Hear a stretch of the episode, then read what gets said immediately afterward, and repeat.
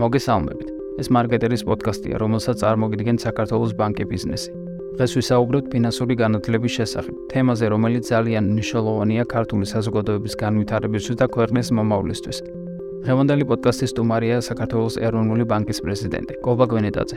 მოგესალმებით, ბატონო კობა. მოდით პირველ რიგში მსმენელს განვუმარტოთ, რას ნიშნავს ფინანსური განათლება და რას მოიაზრებს ეს. ფინანსური განათლება საკმაოდ ფართო ცნებაა. და აი თუ ვეცდები მის გამარტებას, ეს არის ცოდნის, ქცევების და გაკუთილად დამოკიდებულებების ერთობლიობა. და ეს ყველაფერი ეხმარება ადამიანებს იმაში, რომ მათ მიიღონ ინფორმირებული ფინანსური გადაწყვეტილებები. რადგანაც თუ შევხედავთ, ხო, ფინანსურად განათლებული მოხმარებელი უკეთ აანალიზებს და იაზრებს სხვადასხვა ფინანსური პროდუქტის თუ მომსახურების მნიშვნელობას. მას აქვს საკმარისი ცოდნა, მას აქვს საკმარისი თავდაჯერებულობა, რომ გააკეთოს კარგად ინფორმირებული არჩევანი და ამავე დროს მიიღოს უკვე პასუხისგებლობაზე დაფუძნებული გადაწყვეტილება. მან იცის სად უნდა მიიღოს ინფორმაცია, როგორ უნდა მიიღოს სწორი ინფორმაცია, ვის მიმართოს დახმარების მისაღებად. ანუ აი რომ რომ შევაჯამოთ, ხო, შეიძლება ითქვას, რომ თანამედროვე სამყაროში ფინანსური განათლება ეს არის აი ესე ვთქვათ ცხოვრებისეული კომპეტენცია. ის თვისება, რომელიც აუცილებლად უნდა გქონდეს იმის და მარტო იმისესი გაზის გამო რომ ის ჩვენ ფინანსურ კეთილდღეობაზე აისახება. ხოლო მეორე მხრივ შეხედოთ, თუ ეს არ გვაქვს, მაშინ იზრდება ფინანსური სირთულეები და აქედან გამომდინარე, ვთქვათ, სტრესის ალბათობა, რომელიც როგორც წესი ფინანსურ სირთულეებს მოძდებს ხო. აა, გასაგებია. აა, თქვენ ახლა ხაზი გაუსვით, თუ რა სარგებელი მოაქვს ფინანსურ განათლებას ზოგადად თითოეული ადამიანისთვის. აა, საინტერესო ასევე ქვეყნის სისტემას რა სარგებელს მოუტანს ფინანსური განათლება. აა და კი, ნამდვილად ასე შეიძლება დასმა კითხვა, იმიტომ რომ ქვენხანაც საზოგადოებაც ხო წევრებისგან შედგება, ხო? აა დღევანდელ სამყაროში მოსახლეობის უმრავლესობას ფაქტობრივად არასრულფლოვნებსაც, ხო, არ დაგვაწყდეს. ყოველდღიურად მეტნაკლები შეხება ფინანსურ პროდუქტებთან და ფინანსურ ორგანიზაციებთან. მათ უწევთ ფინანსებთან, ფულთან დაკავშირებული სხვადასხვა გადაწყვეტილებების მიღება. ხოლო ფინანსური განათლება როგორც აი ჩემს წინა კითხვაში ვთქვი ადამიანს ეხმარება რომ კარგად გაიგოს პროდუქტის არსი რომ რისკები შეაფასოს რომ შეადაროს მაგალითად სხვადასხვა პროდუქტი ერთმანეთს და სწორი არჩევანი გააკეთოს. და ფინანსური უსაფრთხოების საკითხების სოდნა ამავე დროს არ დაგვაწყდეს განსაკუთრებით გლობალურ სამყაროში ასევე ეხმარება იმაში რომ ფინანსური თაღლითობები აირიდოს ხო აი თქვა კიდევ და თუ დავამატებთ აი საკუთარი როგორც ფინანსური სექტორის მომხმარების უფლებების წოდნა არის ძალიან მნიშვნელოვანი იმის გააზრებაში თუ რომელ ორგანიზაციებთან უნდა დაიკავოს ურთიერთობა და იმისათვის რომ ზოგადად ფინანსურ ორგანიზაციებთან თუ თავდაჯერებული იყოს. ანუ ყველაფერს ერთად თუ შევხედავთ, ხო, საბოლოო ჯამში ფინანსური განათლების ამაღლება გრძელვადია პერიოდში დადებითი შედეგის მომტანია როგორც ქვეყნისთვის აა როგორც მოსახლეობისათვის და მოქალაქეებისათვის ასევე ქვეყნისათვის რადგანაც ფინანსურად განათლებული ადამიანი ნაკლებად არის დამოკიდებული მაგალითად ოჯახის წევრებზე, ახლობლებზე, მათ ნაკლებად აქვს ჭაბვალიანობის პრობლემები, ფინანსური რისკების და ფინანსური ზარალის რისკები ნაკლებად აქვს და ამავე დროს მას ასე ვთქვათ აი ჯანსაღი ცუდომა აქვს და მუდმივი ცუდომა აქვს ფინანსურ პროდუქტებზე რომელმაც და გააჯობესოს მისი ცხოვრება, მისი ფინანსური სიტუაცია. აქედან გამომდინარე, აი ურთიერთ სასარგებლო და ურთიერთ ხელსაყრელი ინტერესები ხდება აქ ერთმანეთს და აი ეს ყველაფერი მეუბე თავის ხრივ ქვეყნის კეთილდღეობის ზრდას უწყობს ხელს. აა გასაგებია. აა საინტერესო ამის ფონზე როგორ შეაფასებთ ამჟამად ქვეყანაში ფინანსური განათლების დონეს? აა ეს ზოგადად აა ვიუდი არ არის აგრი შეფასება ო ფინანსური განათლების დონის და სხვადასხვა სისტემა არსებობს ამისთვის. და ჩვენ 2019 წელს ამაში დაგვიხმარა ეკონომიკური განვითარების და თანამშრომლობის ორგანიზაციის ფინანსური ფინანსური განათლების საერთაშორისო ქსელი და საერთაშორისო კნება გაკეთდა და კნება ფინანსურ განათლება სამ კომპონენტზე და მობით შეაფასა ეს არის ფინანსური ცოდნა, ქცევა და დამოუკიდებულებები. ეხლა აუტნევის მიხედვით საქართველოს ფინანსური განათლების მიმართულებით 21 ქულიდან 12.1 ქულა, რაც დაახლოებით 58%, 57%-ია. რაც კნევაში მონაწილე ქვეყნების საშუალო მაჩვენებელზე დაბალი. ამ ეხლა აი ამ სამ მაჩვენებელს მოკლედ რომ გითხრათ აღწეროთ აი ამ სამ მაჩვენებელში როგორ გამოიყურება საქართველოს ესე იგი თვითონ ფინანსური რაც შეეხება ფინანსური განათლების დონე ცოდნა როგორც ასეთი ხო აქ კნევაში მონაწილე ქვეყნების საშუალო მაჩვენებელზე მაღალია მაგალითად მოსახლეობას კარგად ესმის თქვა საბაზისო ტერმინები როგორიცაა სესხზე გადასახდელი პროცენტი, ფულის ღირებულება დროში, ინფლაცია, რისკი, უკუება, თუმცა მაგალითად უმრავლესობამ ვერ ახსნა რთული პროცენტი რას ნიშნავს. ახლა მეორე კომპონენტს ფინანსური ქცევა. საქართველოს მაჩვენებლები, კვლევაში მონაწილე ქვეყნების საშუალო მაჩვენებლებს მცირედი ჩამორჩება. ანუ რაც ნიშნავს რომ მოსახლეობის უმრავლესობა აკონტროლებს ოჯახის ფინანსებს, დროულად იხდის გადასახადებს, გააზრებულად ეკიდება შესყიდვებს, მაგრამ მაინც ეს გადაწყვეტილებები ხო აი მოკლევადია პერიოდზე არის მიმართული ძირითადად. აი რაც შეეხება ახლა მესამე კომპონენტს, ხო ეს არის ფინანსური დამოკიდებულებები. აქ მოსახლეობამ სხვა ქვეყნების მაჩვენებთან შედარებით ყველაზე დაბალი შედეგი აჩვენა და აი რას ნიშნავს ზუსტად ეს რომ მოსახლეობის უმრავლესობა ფიქრობს, რომ ფული არის იმისათვის, რომ დაიხარჯოს და ფულის გრძელვადიანი ბიზნესისთვის, ბიზნესისთვის შენახვასთან შედარებით ფულის ხარჯვა უფრო მეტ კმაყოფილებას ანიჭებს. აი ასეთი არის შეფასება, რაც პრინციპში ცალსაყად აჩვენებს, რომ ან მიმართულებით აუცილებლად აჩვენა რომ დაბჯები იყო გადასაქმენი ჩვენ შავფუთ კიდევაც, მაგრამ ამ დროს აჩვენა რომ ჩეკიდემ ძელი გზა არის გასავლელი. აა, გასაგებია ძალიან საინტერესოა ეს თვითონ სტატისტიკა, სტატისტიკური მაჩვენებლები. აა, საინტერესოა აა რა კეთდება დღეს საქართველოში ამ მართულების განვითარებისთვის. აა და რა როლს ასრულებს კონკრეტულად ეროვნული ბანკი ამ პროცესში? კი, ეროვნული ბანკი ფინანსურ განათლებას მოხალხეთა უფლებების დაცვის ჭრილში უყურებს.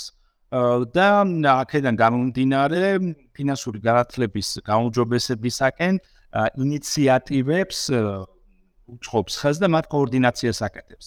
ჩვენ ამანდატის პარლებში ჯერ კიდევ 2016 წელს ფინანსური განათლების ეროვნული სტრატეგიის პირველი დოკუმენტი შევიმუშავეთ კონსულტანტების დახმარებით და ცოტა ხნის წინ განახლებული ვერსიაც დავამტკიცეთ. ხა რა არის ეს სტრატეგია? ეს არის ყველა დაინტერესებული მხარის ძირითადი გზამკვლევი და ის გამოყოფს პრიორიტეტულ მიმართულებებს, მიზნებს, ამოცანებს. ну გარდა ამისა ფინანსური განათლების მიმართულებით ყველა აქტივობასა და სხვა დაინტერესებული მხარების ჩართულობას სწორედ ჩვენ უწევთ ეროვნული ბანკი კოორდინაციას აქ მრავალრიცხოვანი აქტივობებია მრავალფეროვანი ის მორგებულია მიზნობრივი სეგმენტის საჭიროებს და სპეციფიკაციას. შედარებით აი თქვა მასშტაბური პროექტი რო გამოვხოთ, ეს არის ფინანსური განათლების პორტალი Finedu. არ ვიცი თქვენს ალბათ ცნობილი უნდა იყოს. ეს არის web-გვერდი finedu.gov.tv და მისი მხარდამჭერი სოციალური არხები, რომელიც ფინანსური განათლების თითქმის ყველა მნიშვნელოვან საკითხს თავს უხრის და აერთიანებს. ახლა მეორე საკითხად მაინც გამოვყოფთი განათლების და მეცნიერების სამინისტროსთან თანამშრომლობის შედეგს. ფინანსური და ეკონომიკური საკითხების შეტანა მოხდა სასწავლო სახელმწიფოებში, რომლის შედეგადაც ძირითადი და საბაზისო საკითხების მასობრივი სწავლა გახდა შესაძლებელი სკოლაში და ვფიქრობ ძალიან კარგია და ძალიან მნიშვნელოვანია. აა გასაგებია. აა როგორ შეაფასებთ თვითონ ამ პროგრესს და რამდენად ხელშესახებია წინსვლა, რა პრობლემებს ასევე საინტერესოა, რა პრობლემებს აწყლებით პროცესში? აა ზოგადად ხო თავისთავად ფინანსურ განათლებაზე ვაყარებთ, სადაც ნუ განათლებაა და განათლება როგორც ვთქვით, გრძელვადიანი პროცესია, ხო? ამიტომ ხელშესახებ შედეგებსაც ბუნებრივია გრძელვადიან პერსპექტივაში უნდა ველოდოთ. მით უმეტეს რომ ძირითადი პრობლემური საკითხი მოსახლეობაში დამოკიდებულებების ნაწილია, ხო, როგორც ვთქვი, აი შესავლის შედეგად. და რომლის ცვლილებაც არც ისე მარტივია ის გახსოვთ კიდევაც ხო ალბათ ჩაურება ჯულზე უმტკიცესია, აი და ის კომპონენტია, ხო? აქედან გამომდინარე და შესაბამისად ჩვენ არ გვაქვს ილუზია და არ გქონდა რომ მნიშვნელოვანი დადებითი შედეგები სწრაფად დაიდებოდა. მაგრამ ერთი ცალსახად შეგვიძლია ვთქვათ, რომ საკითხი დაინტერესება წლიდან წლამდე არის მზარდი, როგორც უშუალოდ მოყარებლების, ისე ამ პროცესში ჩართული დაინტერესებული მხარეების მხრიდან. და ჩვენ ჩილი ანგარიშები გვაქვს ეროვნული ბანკის, რომელსაც პარლამენტს წარუდგენდა ეს ღია დოკუმენტია ვებსაიტზეც არის ჩვენთან და იქ სტატისტიკას ვაქვეყნებთ მომართვებზე. მოხარებლების და ეს სტატისტიკა მუდმივად მზარდი იყო 2016 წლიდან და ერთი მხრივ თითქოს რაღაც უარყოფით ეჯბერტა. ხო, აი მიმართვიანობა საბანკო სექტორის, ფინანსური სექტორის მოხარებლების გაზრდია, მაგრამ პირიქით ეს არის ძალიან კარგი. ეს ნიშნავს, რომ უფრო მეტ მოხარებელს ესმის რომ მათ აქვთ უფლებები, რომელსაც რომელთა დაცვაც შეიძლება და მათ აქვთ უფლება რომ გამოიმე არასწორად ხომ არ გაკეთეს. ასე რომ აი ეს ტრენდიც, რომელიც საგზნობად გაზრდილი არის ეს მართლობა, ფიქრობ ძალიან კარგია. აა ესაგებია. აა რას შეიძლება რომ მოულში დამატებით გაკეთდეს საზოგადოებაში ფინანსური განათლების დონის ასამაღლებლად?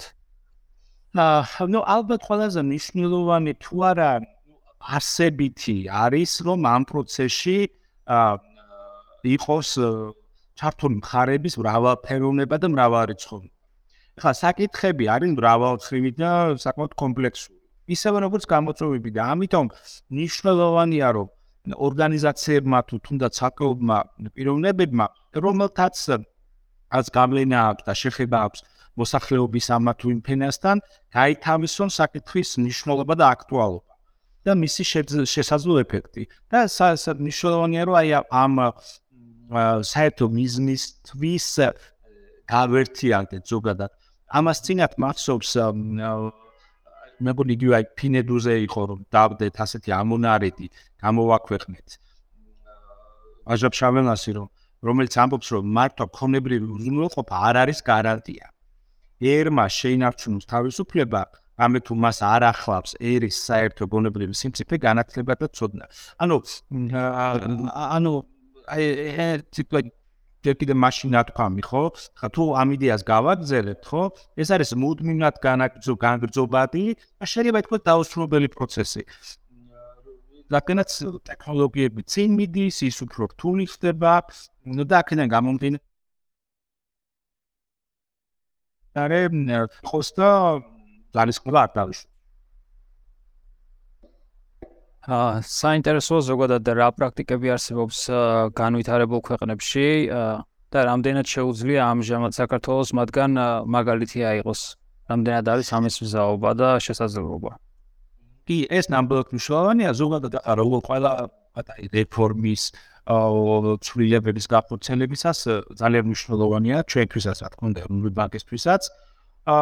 და ჩვენ ჩვენ აქტივობებში და აი თქვა იმ სტრატეგიაში ხო, რომელიც გითხარით საერთაშორისო გამოხენებულ პრაქტიკას ვითვალისწინებ და პირიქითაც არის საქართველოს რიგი ქვეყნებისთვის თავადაც სამაგალითოა მიმართულებით.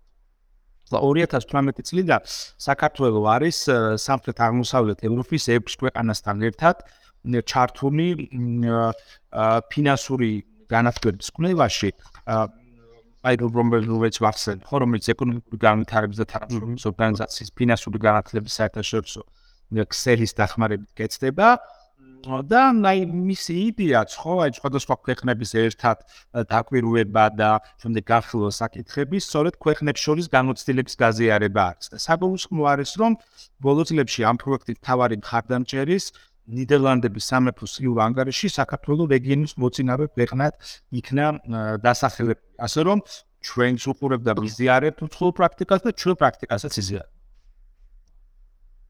საკეთია. აა რა საკითხი უნდა დაიწყოს ზოგადად ადამიანმა ფინანსური განათლების მიღება რა საკითხი უნდა კონდეს შეხება ამ საკითხთან და ვინ უნდა შეუწყოს ხელი ამ პროცესს ზოგადად ყველა ინსტიტუტი რო თქვათ რომელი ინსტიტუტები უნდა იყოს ჩართული ადამიანის ამ ხრივ განათლებაში. აი ახლა თქო ეს აპოლცულად გაგზელება არის იქნება ჩემი პასუხი შენ წინა კითხვის რადგანაც აი ეს საერთაშორისო პრაქტიკა ადასტურებს რომ ფინანსური განათლების მიღება ყველაზე ეფექტური საბავშვო ასაკი. აა ნუ ალბათ ბუნებრივია, ხო? იმიტომ რომ ამასაკში არასწორი წარმოდგენები და დამოკიდებები ჯერ კიდევ არ არის გამძლარი გონებაში და ბავშვებს ახალი და ასე ვთქვათ სასარგებლო ინფორმაციისადმი უფრო მაღალი მიმგებლობა აქვს. რა თქმა უნდა, მნიშვნელობა აქვს როგორ მიეწოდებათ მათ, ხო? ამ ფორმას აქვს მნიშვნელობა და ამიტომ უნდა ითქვას რომ ის გარემო ოჯახი სადაც ბავშვი არის სკოლა სადაც ბავშვი იზრდება ის ორგანიზაციები რომელთანაც მას ურთიერთობა აქვს. ანუ მაგაც კარგულად გაზიარება ხდება ხო? ანუ ეგი საფინანსო ორგანიზაციისთვის რა თქმა უნდა ის მომხარებელი ადამიანი მომხარებელია მაგრამ ამავე დროს იმ მომხარებელს ის სამგემელს იღებს ხო? ფაქტ განსემული სიზღის სანაცვლოდ საპროცენტო განაკვეთს იღებს, რომელიც ასევე მის ფინანსური ორგანიზაციის გაზრდას და ამ ორგანიზაციის შენახვას და მოგების გენერირებას ხმარდება, ხო? ასე რომ აი ბევრი კომპონენტია, ხო? აი მაგალითად შეიძლება ითქვას, რომ თქვა საპენსიო ასაკთან დაკავშირებით იმას თავისებური მომზადება ჭირდება წინასწარ ხალხმა უნდა იცოდეს როგორ უნდა მოემზად, როგორ ჯობია მომზადება. ვთქვათ, სტუდენტური სესხის აღებისას ამასაც თავისებური ჭირდება ოჯახის შექმნისას, თავისებური ჭირდება მცირეს საწარმოს გახსნისას, ეგრევე სტარტა ეგრეთ წოდებული სტარტაპერებისთვისაც და ასე შემდეგ. ასე რომ იქიდან გამომდინარე, ხო, რომელ ეტაპზე ადამიანი თუ მას არ აქვს ასეთი ცოდნა ხო, აქედან გამომდინარე, სხვადასხვა წყარო შეიძლება იყოს გამოყენებული, მაგრამ ზოგადად ყველაზე კარგი არის ას ბავშვობიდან ამის განვითარება და ზიარება, ასე ვთქვათ, აი ასეთ საკითხებთან, რაც უკვე მომავალში აყალიბებს იმ უნარჩვევებს, რომელიც მას უკვე ადამიანს უკვე მთელი ცხოვრების განმავლობაში ეხმარება. აა, გასაგებია. აა, მე მგონი თვითონ ფინანსური ინსტიტუტებისთვისაც სასარგებლოა, რომ ზოგადად მოსახლეობა ამ ხრივ განათლებული იყოს, აა რაც მათ ურთიერთობას მოხმარებელთან კიდევ უფრო გაადვილებს. აა აა ახლა მინდა და მეკითხა როგორი ეროვნული ბანკის სამომავლო გეგმები ფინანსური განათლების დონის ამაღლებასთან დაკავშირებით და რო გავშალოთ როგორც მოკლევადიანი ასევე გრძელვადიანი გეგმების შესახებ რო ვისაუბროთ. დიახაი თქვენ პირველ კომენტართან დაკავშირებით ჩვენთვის მედიასორი მხარეა ხომ ხოლმე უკრებების დაცვა და ფინანსური გადაწყვეტა და აქედან ორივე მხარე მოხმარებელის და ფინანსური ორგანიზაციის სარგებელს იღებს. რადგანაც მოხმარებელსაც არ უნდა რომ ასე ვთქვათ სურპრიზები კონდეს პროდუქტების სარგებლობისას ფინანსურ პროდუქტებს უზღობ და ასევე ფინანსური ორგანიზაციაც რა თქმა უნდა გაცილებით უკეთესი იქნება ორგანიზაციისთვის თუ რაღაცა სურპრიზებს არ შეხვდება ფათ გაცილებით სესხის დაბრუნებაში და ასე შემდეგ იმიტომ რომ ეს მის ფინანსურ მდგომარეობაზე აისახება ახლა რაც შეეხება ასე იგი გეგმებს ხო ეს კი როგორც თქვი ახახას დავამტკიცეთ ფინანსური განათლების ახალი ეროვნული სტრატეგია და წინავერსისგან განსხვავებით საუკეთესო საერთაშორისო პრაქტიკასთან ერთად გასულ წლებში დაგროვილ გამოცდილებას ითვალისწინებს ეს ახალი სტრატეგია. Ну, შესაბამისად, უახლოესი წლების ხედვა და მიზნები დასახულია და აღნიშნული სტრატეგიის აგებში ჩართულ მხარეებთან თანამშრომლობით ყოველწლიური სამოქმედო გეგმებიც დგება და შემდეგ უკვე ამათ გახორციელებას გაუწევს კოორდინაციას უკვლავ ეროვნული ბანკი. ძელვადიან გეგმებში ბუნებრივია იგულისხმება მოსახლეობის და აქ მიკრო, მცირე და საშუალო ბიზნესის წარმომადგენლებში, სტუდენტებში, საპენსიო ასაკის მოსახლეობაში განათლების დონის ამაღლება. აა ანუ ესე რომ დამყოთ, ხო, უფლებადიან და ძელვადიანად. ხა ზოგადად მაინც თუ შევხედავთ როგორც თქვი კიდევაც განათლება არის მუდმივად აქტუალური პროცესი. ამით უმეტეს, როდესაც გარემო არის სწრაფაცვლადი და დინამიური, როგორც ჩვენ დღეს გვაქვს, ხო? ამიტომ ძელვადია ხედვებში ხელშესახები მიზნებისკენ სვლა ფიქრობთ რომ მხოლოდ პარტნიორების სიმრავლით არის შესაძლებელი. ნუ ბევრი იყოს, აი ის ხარე რომელიც ამ მიზნის მისაღწევად დაირაზმება, ასე ვთქვათ. ასე რომ ვთქვათ ეს ჩემთვის კარგი საშუალება არის, რომ ამ სმენელს ამ შემთხვევაში ვისარგებლო შემთხვევით და ვისაც ეს ხელეწიფება, ვისაც ეს შეუძლია, იქნება ეს ფინანსური თუ ადამიანური რესურსით, ან თუნდაც საკითხის იგულებს ჯელობით, ინფორმაციის გავრცელებით, რომ შემოგვიერთნენ, იმიტომ რომ ჩვენ ამის პლატფორმა გვაქვს ამ სტრატეგიის შექმნით იგივე ეს ფინედო ვებგვერდიც შემოგვიერთნენ ამ მნიშვნელოვან საქმეში, რადგანაც როგორც თავიდანაც ვთქვით, ეს არის ინდივიდუალური პიროვნებების კეთილდღეობის გამოჯობესებისათვის აუცილებელი, რაც უკვე საზოგადოების კეთილდღეობაში, კეთილდღეობის ამაღლებაშიც იქ გადაითარგმნა. აა, გასაგებია თუ შეიძლება რომ აი ეს სტრატეგიის საკითხი ეს მსმენელისთვის უფრო რო გაიშალოს და აა, ალბათ კონკრეტული საკითხები გასაგები გახდეს, აა, ანუ ნათელი მოეფინოს ეს სტრატეგია საბოლოოდ რას გულისხმობს? აა, ესე იგი, ეს სტრატეგია რომ შეხედოთ გულისხმობს იმას თუ რა მიმართულებით იმუშავებს ეროვნული ბანკი ა ფინანსური განათლების გასაუმჯობესებლად ქვეყანაში რა იქნება ის ჯგუფები რომელზეც აქცენტი გაკეთდება და როგორ მოიაზრება ურთიერთობა პარტნიორების ჩართვა იმისათვის რომ ფინანსური განათლება ამაღლდეს ქვეყანაში. ეს არის ასე ვთქვათ, აი სამკვლები იმისათვის რომ კარგი წარმოდგენა შეგვიგნას, შეგვიქნას ამ საკითხებზე და აი ამაშიც ჩვენ ქონდა როდესაც სახვებით და პირველ 2016 წელს რომ მივიდა და ეხლა რაც მივიდა განახლებული ურთიერთობა საერთაშორისო ორგანიზაციებთან, იმ ორგანიზაციებთან, რომელთაც გამოცდილება აქვს ამის და აი ეს ყველაფერი თავმოყრილი არის ამ სტრატეგიაში. აჰა. აა ძალიან საინტერესოა. აა ამ კითხვებით შეიძლება ეს საკითხი ბოლომდე ვერ ამოიწურო და თქვენ კიდევ რამის და რამე ისეთის გაჟღერება გსურდათ, რაც ამ კითხვებში არ იყო გათვალისწინებული და ამიტომ აა თუ გსურთ რა იმის დამატება, თან ეს თემაც რო შევაჯამოთ თლიანად და დასამატებელიც რო აა რა ვთქვათ. აა ფიქრობ ზოგადად ექსპირენს ბანკებს ძალიან ბევრი საუბარი შეიძლება, ხო, ვთქვათ, ერთი მიმართულებას რო ავიღოთ სიტყვაზე თქვა.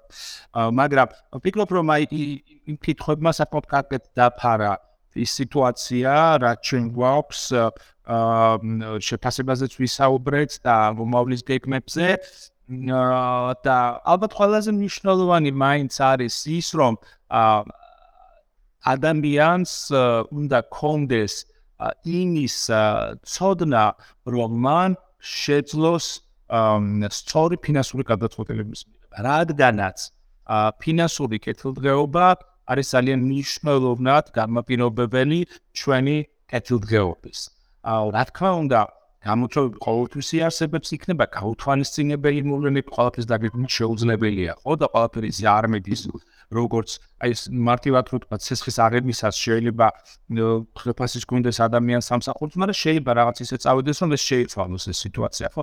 აქედან გამომდინარე აი ამ რისკის დაზღვევა გარკვეულწილად გათვალისწინება როგორ უნდა მოხდეს აი ზუსტად ეს არის. ანუ ეს არის ის აუცილებელი უნარჩვება რაც ადამიანს უნდა კონდეს აქედან გამომდინარე არის უაღრესად მნიშვნელოვანი და აქედან არის ზუსტად ამიტომ არის ის რომ ჩვენთვის ეროვნული ბანკისთვის ეს არის ძალიან მნიშვნელოვანი და ვიქრობ ასევეც გაგრძელდება ასე გებია ძალიან დიდი მადლობა საინტერესო ინფორმაციისთვის. მადლობა რომ დრო დაგვითმეთ. წარმატებებს გისურვებთ თქვენ საქმეში.